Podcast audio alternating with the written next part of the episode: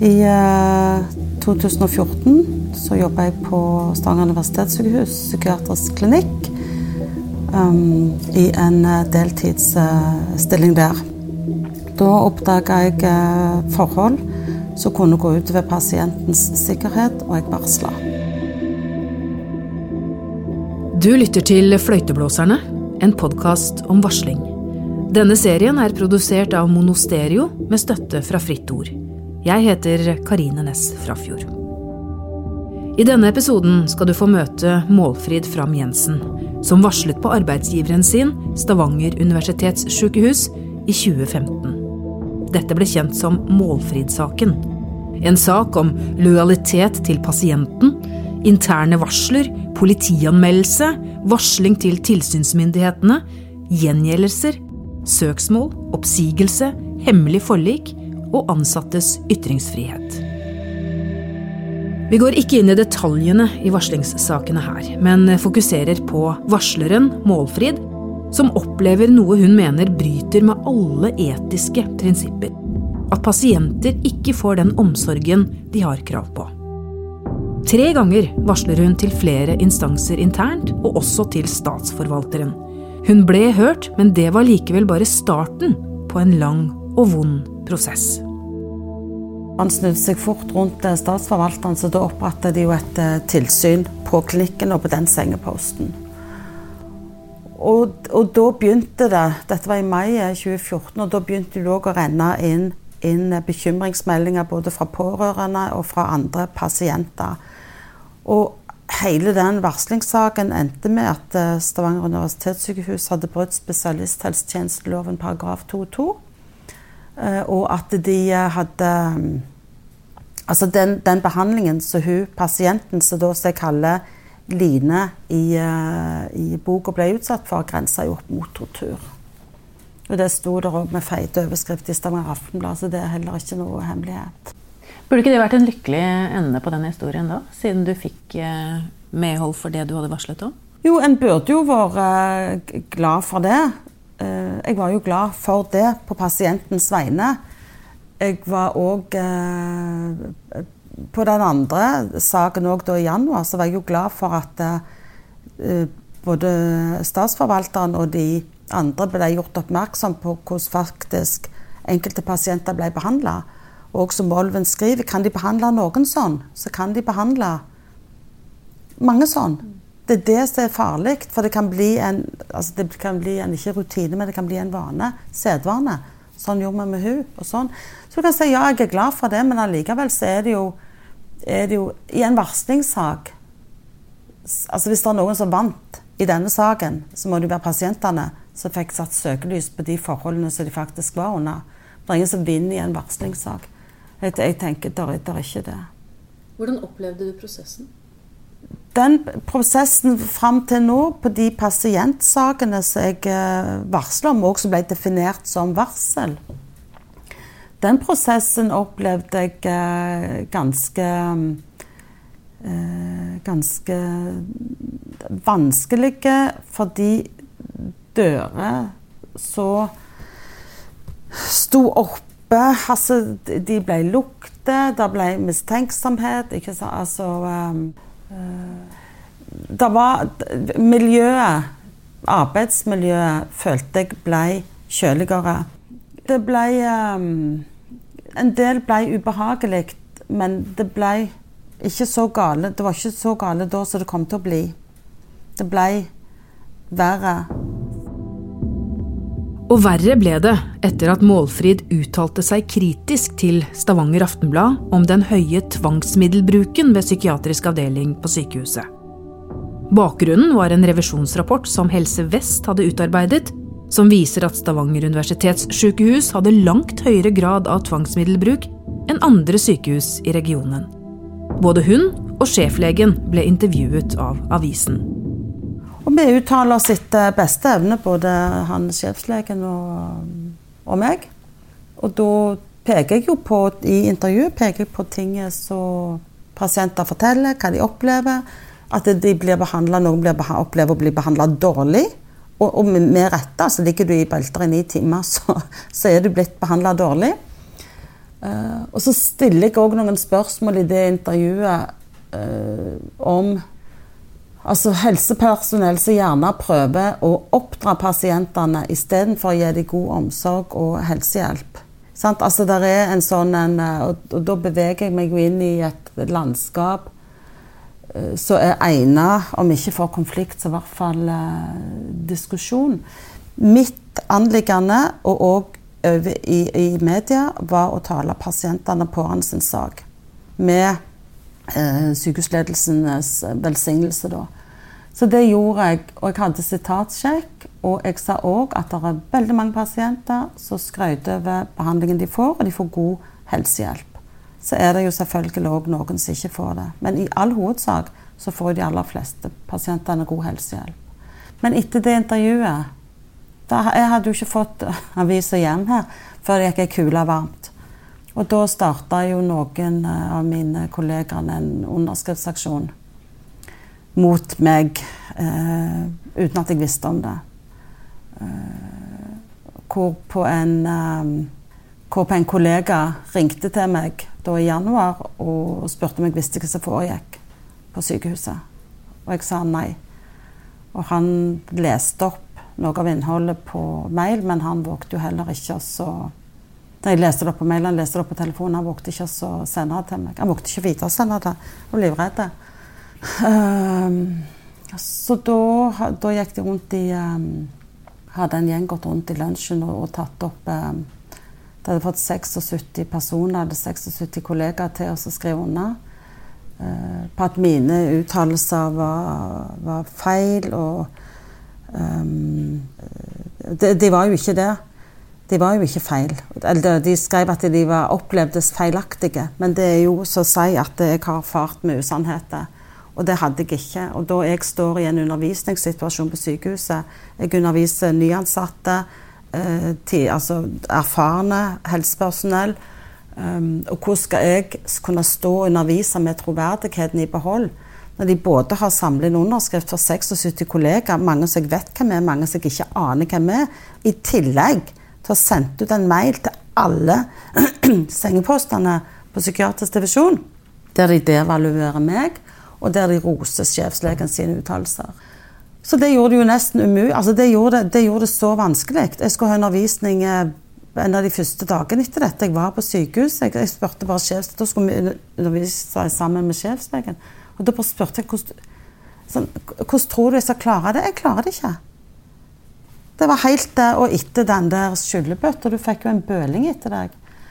Og da ble det, da ble det øh, Da husker jeg Jeg ble helt satt ut. Da husker jeg tok kontakt med divisjonsdirektøren og jeg ba om et møte.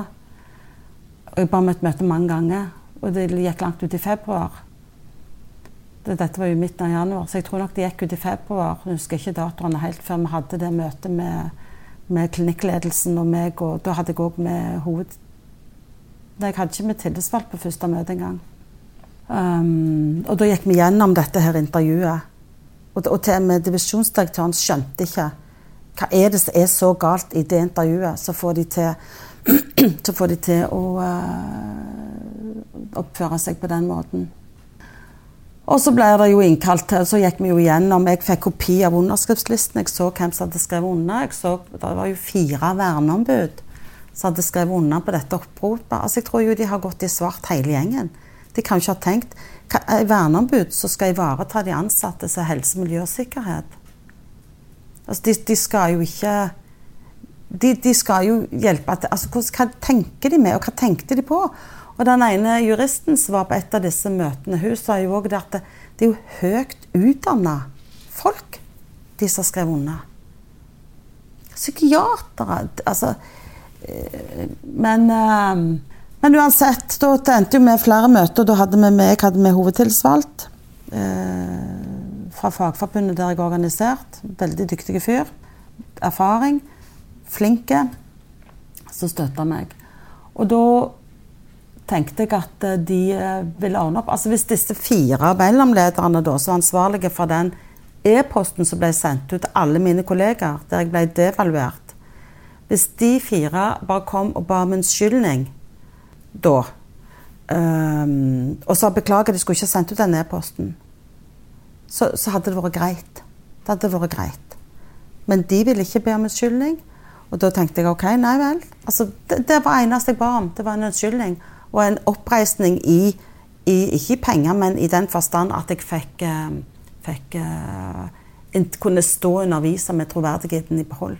De kunne sendt ut og sagt det det var feil. altså De skulle ikke uttalt seg sånn. Men de ble opprørt over det som sto i avisa. Men uansett um, Etter når de hadde hatt tre måneder på å ordne opp internt, og det ikke skjedde noe, og jeg ble dårligere og dårligere Arbeidsmiljøet ble uh, Det ble så vanskelig for meg å være på jobb, for jeg visste jo heller ikke hvem som hadde skrevet under på disse listene. Jeg visste ikke. Når jeg gikk i kantina, så visste ikke jeg om, om de som sto på siden av meg i, i, i, kiosken eller, eller i, i kaffen der, eller de vi satt oss og spiste med, om de hadde skrevet under mot meg eller ei. Ble det snakket om saken nå? Direkte til deg? Nei, det var noe Nei ikke, Ja, altså hadde jo, vi hadde jo møter med, jeg hadde møter med sjefslegen. Altså disse formelle møtene. Men blant kollegene? Nei, det ble snakket veldig mye utenom, uten meg. Jeg, ja. Men Du sa du fikk se navnelistene på hvem som hadde skrevet under også? Det fikk de. Etter hvert? Ja, de fikk jeg på et nei, fikk de på et av de første møtene med divisjonsdirektøren. Men du sa du ikke visste hvem som hadde skrevet under? jo, jeg vet hva, jeg vet, ser jo navnet, men jeg vet jo ikke hvem de er. Ja, sånn, ja. Mm. Sånn, Jeg kjenner de ikke. Så jeg sitter i kantina der, og der du, du, er rundt med folk, du går i gangene og hilser på dine kollegaer, så vet du faktisk ikke om det er en som har skrevet er opprop mot deg eller ikke.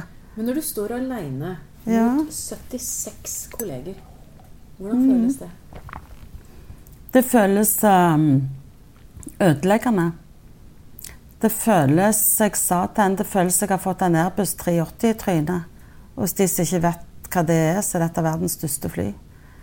Det var så ødeleggende at når jeg gikk opp i um, Jeg sier opp i gangene for gangen, da. hun var i andre etasje der med hovedadministrasjonen var. Og jeg følte at jeg, altså jeg følte fysisk jeg skulle gå med luta nakke. Altså gå bøyd i skam.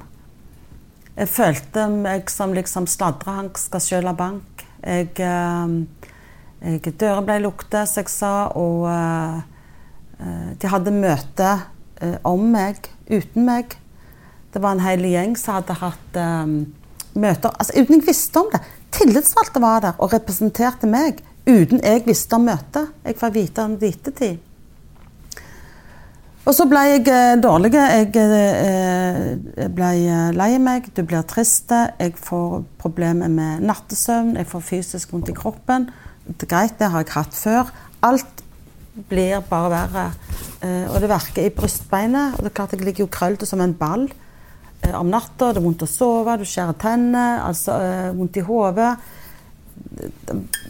vanskelig. Nå har jeg heldigvis en meget rolig, klok, reflekterte ektefelle.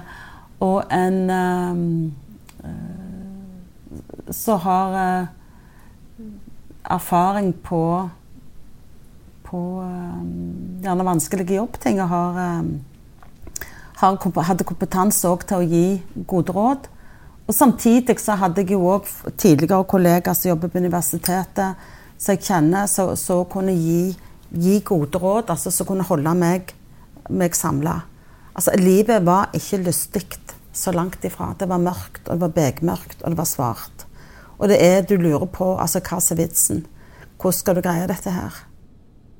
Målfrid tar kontakt med Arbeidstilsynet. Dette var overveldende òg for de. Og spesielt det der med underskriftsaksjon, altså hele den der kampanjegreien, og at det ikke ble ryddet opp. Så starter de et eh, tilsyn, da. De opprettet tilsyn mot sykehuset som heter postalt tilsyn. Og da måtte jo jeg òg lære meg nye ord. For hva er postalt tilsyn? Jo da, da sender vi brev per post til sykehuset. Da sender vi et spør spørreskjema til sykehuset. Hvordan går an? Dette går sånn og sånn. Og de gjør ikke et stedlig tilsyn. Det går bare per post. Og lite ante jeg om at det å melde arbeidsforholdene til Arbeidstilsynet skulle gjøre alt mye verre enn det det var. Det var Det var jeg, jeg, kan ikke si at jeg ikke hadde gjort det igjen, men jeg, det, det, ble bare verre. Og jeg opplevde det samme som mange andre varslere opplever. De tror det blir bedre. Du, du tror med å varsle Arbeidstilsynet når de går inn, at det, det gjerne blir ryddet opp. Men mange opplever det samme som meg, at arbeidsforholdene blir betydelig verre etter du har gått til Arbeidstilsynet. Målfrid fortsatte i jobben, men opplevde å bli ignorert og oversett. Det var jo òg en åpenbar fysisk avvisning. Med at uh, Altså det med ikke hilse og Altså, jeg ble bare usynliggjort. Um, og det var, jeg følte meg jo som en sånn persona non grata, som det heter. Uønska person. Dette var en gjengjeldelse? Jeg ble utsatt for gjengjeldelse etter varsling i form av underskriftskampanjen og, og uh, alt det der. Det er, og, og, det har jeg jo i uh, i, uh, i forliket òg, så det er ingen tvil om at dette var en gjengjeldelse etter varslingen. Men hennes reaksjon er nok en Det er jo en menneskelig reaksjon i, i når Den menneskelige reaksjonen, det hun, hun, det hun gjorde. Men det er ikke en akseptabel reaksjon for en leder. Altså At unger holder på sånn, det, det er for så vidt greit. Og late som du ikke ser folk, eller du, du hilser på tre av tre som kommer og skal hilse på deg eller gratulere deg med noe. Men når den fjerde kommer, så skulle du nimmest vedkommende vekk. Og, og, det gjorde hun med meg i kantina under en seanse der. Og det òg var Det var så skikkelig. Det var så Det var um, Nei, det, det jo Det er, um, det, det er vondt. Mm. Kan du beskrive det? Altså, hva, hva gjør det med deg? Da Ja um, Det å føle seg utstøtt, og det å føle seg ikke ønska, og det å føle seg på, på, feil plass Du har ikke rett til å være med oss. Um, det, er en veldig, veldig vond følelse. Og det er en vond følelse om du er unge eller voksen eller eldre. Om du sitter gammel eller sitter på sykehjem. Og hvis det er ingen av de andre som sitter på stua der vil være med deg eller snakke med deg. Du får ikke være en del av, av den flokken som du har vært en del av. Uh, og det blir litt latterlig Og det er ingen sikkert som mente altså, latterliggjør deg eller det, men det føles seg jo som dust. Føles seg dum. Men disse, disse 76 kollegene, da. Uh, mm. Fikk du Fikk du noe svar? Fikk du noe ble den saken konkludert med? Fikk du noen unnskyldning? Skjedde noe? Nei, ikke fra, de, ikke fra de. Eller jo, noen. Det var en lege. Stakkar. ja, for, for det, jeg, altså, jeg syns jo synd på folk som blir forleda inn i en handling der de enten har fått feil informasjon i, på forhånd, eller nærmest føler seg tvunget til å gjøre noe som strider imot alt det de står for. Så det var en lege som sendte meg blomster på døra her, og det var en av de fire mellomlederne, og håpte at jeg, eh, hun, ønsket, hun, hun håpte at jeg hadde det bra. Og det tenkte jeg OK, det er unnskyldning nok. Du trenger ikke ringe hvis du ikke vil. Men det, det er helt greit. Tilgitt. Check. og så var det òg ei annen som jeg har jobba mye med, også har skrevet under. Og hun, hun kom òg og sa at hun skjemst. Langskjemst. Hun skammer seg over det hun hadde gjort. Men sånn som du sa, vi satt i lunsjen. De satt i lunsjen på sine vaktrom, i sine små grupper, i sin lille flokk. Og der kommer det noen inn og skal ha de til å skrive under på noe mot en kollega.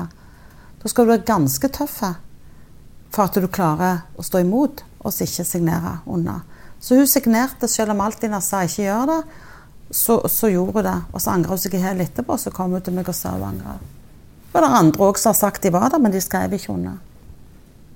Sånn så det er òg Jeg tror nok noen Kanskje de ikke vet den dag i dag virkelig hva de skrev under på. For når du, du får beskjed om å støtte personalet mot dette, den som har skrevet dette her, så støtter du egentlig personalet mot en annen. Så òg en del av personalet. Og sånn som en ei kollega sa til meg, de sier du er en kollega, men de behandler deg ikke som en. Målfrid gikk til søksmål mot Stavanger universitetssykehus pga. måten hun ble behandlet på, og det kostet. og så gikk jo jeg til privatadvokat. Fordi at jeg ikke Jeg kom ikke på å, å søke For det første så kom jeg ikke på jeg tror ikke, det, jeg tror ikke det var i tankene mine å søke advokat hos Fagforbundet. Uh, det kunne jeg ha gjort. Og hadde de tatt saken, så kunne jeg fått fri advokat. Men mange av mine kollegaer er jo òg organisert i Fagforbundet. Så hvordan ville det vært når de hadde begge parter? Skulle, skulle alle ha advokat derifra? Men sant, sykehus har jo sine advokater. Så så det er mange som beveggrunner, sikkert for at jeg valgte eh, privat advokat, men det gjorde jeg. Men du vet, når beløpet var kommet opp i fem, over 50 000, som jeg hadde betalt, så går det en grense for min private økonomi. Hvor mye jeg skal risikere å tape. Fordi jeg vet, hvis jeg vinner i første runde, som kan komme på rundt 200 000 hvis du tar til retten, så vil sykehuset anke. Og sykehuset har de beste advokatene i, i Helse Vest. De har én og to og tre, de har mange som de kan bruke. De har ubegrensa med midler de kan bruke til advokat. Og det er våre skattepenger. Men jeg får ingenting av de. Så sykehuset, helseforetakene, kan bruke våre skattepenger på advokater til å kjøre mot egne ansatte. Men den ansatte får ikke dra nytte av noen av de skattepengene til si advokathjelp. Den som sa ifra for pasientene sin del. Og Det er så urettferdig som det går an å bli. Og det, det gjør òg at rettssikkerheten, både til oss som varsler, og til pasientene, faktisk ikke er, er reelle. Men uansett, og derfor òg så var det ei grense. Og når jeg hadde kommet over 50 000, da hadde vi møte med sykehuset. Og de prøvde å finne andre stillinger, og de prøvde å omgjøre stillingen min. Det prøvde de òg under hele varslingssaken, å endre på stillingen min uten at Fagforbundet var inne, noe som de heller ikke lov til. Um, eller arbeidsoppgavene mine, og hvem jeg skal få kontakt med og ikke, og hva jeg uh, Så jeg, uh, jeg, kjente bare at dette her orker ikke. Så jeg uh, sa opp i um, Siste dagene var vel i, det var i oktober i 2015. Eh, Men da inngikk jo sykehuset og meg et forlik. Som skulle være hemmelig, krevde sykehuset, eller advokatene det SUS. Og jeg visste ikke at det var ulovlig. Og da, da Det var take it or leave it. Altså enten godtar du dette og skriver under, og det var en hard tone i de brevene jeg fikk fra sykehusets advokater. Enten så skriver du under og godtar det, eller så blir det ikke noe forlik. Og da må jo jeg ta det videre til retten. Uh, og da ser du bare pengene flagre. Så jeg signerte, og så um, og, og, og, var? Og der, det, er veldig fint forlik. Og sykehuset uh, de, jeg, de, erkjenner at jeg har varsla, de erkjenner jeg har varsla i linjen. De ber om altså De beklager at de ikke ivaretok meg som varsler og alt det der. Og at jeg får en erstatning på så og så mange tusen, og så får jeg dekket advokatutgifter. Bla, bla. Jo, det er greit, men hva pokker skal jeg med det? Jeg kan jo ikke si det til noen. Det er jo ikke bare unntatt offentlighet, det skal være konfidensielt. Jeg kan jo knapt si det til min egen familie at sykehuset har sagt unnskyld. Hvordan har det vært etterpå, da? Altså, Han forfølger deg jo. Varslingssaken forfølger deg. Og, fra, og, og noen endrer syn på deg eh, om at du har bråkt. Da, saken var jo så voldsom at det var jo folk utenfor miljøet som mente ja, men hun må jo ha gjort noe altså hun må jo ha gjort noe galt. Men mange gjør det ikke, av, med god grunn. da. Jeg tror ikke folk aner hvor tøft det er å være i en varslingssak hvis, um, før de har prøvd det sjøl. Du må være så sterk, og, og, og, så blir jeg gjerne oppfatta som kjempesterke oppfatta som eh, en sterke person, og du, du, eh, står der som en bauta. Og så må de gjerne huske på at eh, så mye som jeg er sterk, så mye er jeg òg svak. Og så mye er jeg òg sårbar. Så selv om du spjelker deg opp, og du står oppreist, og du retter ryggen, og du prøver å puste, så er du òg sammenkrulla som en ball og er liten og sårbar og lei deg. For det er så stor påkjenning. Det er um det sitter i marg og bein. Ville du gjort det om igjen? Ja, og det er et vanskelig spørsmål. Det er Jeg hadde nok vært så dum, i hvert fall med tanke på egen helse, at jeg hadde Altså hvis jeg hadde jobba en plass der det ble begått urett eh, for pasienter, enten det var med barn, ungdom, voksne eller eldre, eller i et sykehjem, så hadde jeg varsla. Jeg hadde varsla ledelsen på samme måte som jeg gjorde på sykehuset. Jeg hadde varsla statsforvalteren uten å nøle. Men fordelen er at jeg hadde visst hva som kom. Jeg hadde visst hva som kom. Når jeg gjorde det, så visste jeg ikke hva som kom. Og jeg tenkte jo ikke over det. Jeg tror de færreste som varsler, tenker over at Oi, nå skal jeg varsle. Det er noe du etterpå Ops, nå har jeg varsla. Og det er en plikt å gjøre det. Og det, det skal egentlig så skal det komme fra ryggmagen, Refleks. Dette er ugreit. Og allikevel så klarer de ikke få det til å bli greit og trygt å varsle i den offentlige helsetjenesten. Det er svært farlig, og det er utrygt. Og det går ut over den fysiske og psykiske helsa til varsleren. Og at det skal være farlig for egen helse om å varsle for fare for andres helse, for pasienters helse, det er eh, skremmende.